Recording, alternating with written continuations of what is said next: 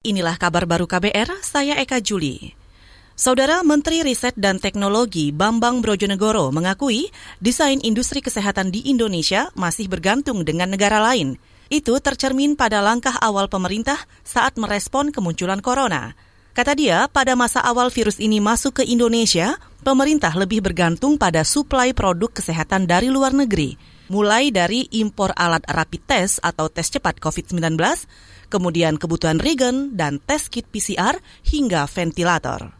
Ventilator demikian juga. Ketika ada isu Indonesia atau rumah sakit di Indonesia kekurangan ventilator, maka kita terpaksa melakukan impor. Jadi ujungnya adalah import, import, import. Dan itu memang secara jujur menunjukkan bahwa industrial kesehatan dan bahan baku obat di Indonesia tidak didesain untuk kemandirian di bidang kesehatan. Tidak didesain untuk bisa menjamin masyarakat Indonesia yang sehat. Menristek Bambang Brojonegoro mengklaim Kini tingkat ketergantungan Indonesia pada impor di bidang kesehatan mulai berkurang. Menurutnya, Badan Pengkajian dan Penerapan Teknologi atau BPPT mulai melakukan pengembangan produk-produk kesehatan dan rekayasa balik yang berkaitan dengan respon pandemi COVID-19, seperti alat rapid test hingga ventilator. Kita ke soal ekonomi. Amerika Serikat diprediksi akan terjebak dalam jurang resesi selama satu tahun.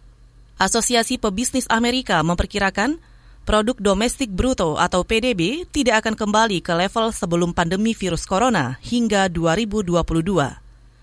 Mayoritas ahli juga mengatakan pasar kerja Amerika Serikat akan kembali ke level Februari 2020, paling cepat pada 2022. Dikutip dari CNN, hampir 80 persen mengatakan ada satu dari empat peluang resesi yang mulai pulih – namun akan memburuk lagi sebelum pulih sepenuhnya. Pemerintah Amerika Serikat meluncurkan paket stimulus yang belum pernah terjadi sebelumnya sebagai tanggapan terhadap resesi karena pandemi corona. Tetapi para ekonom terpecah atas tindakan pemerintah. Sebanyak 40 persen merasa stimulus pemerintah belum cukup dilakukan, sementara 37 persen berpendapat aksi pemerintah sudah memadai. Sisanya menganggap pemerintah berbuat terlalu banyak. Saudara, FIFA melonggarkan kewajiban klub melepaskan pemainnya untuk membela tim nasional demi meringankan dampak pandemi COVID-19. Klub biasanya diwajibkan melepas pemain untuk membela timnas masing-masing pada agenda pertandingan internasional. Namun, peraturan-peraturan karantina di banyak negara akan membuat kegiatan bepergian menjadi tidak praktis.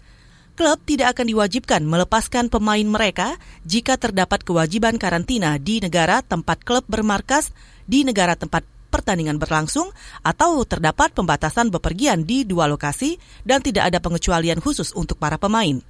Peraturan itu diterapkan untuk jeda internasional kompetisi putra mulai 31 Agustus sampai 8 September dan jeda internasional putri mulai 14 hingga 22 September.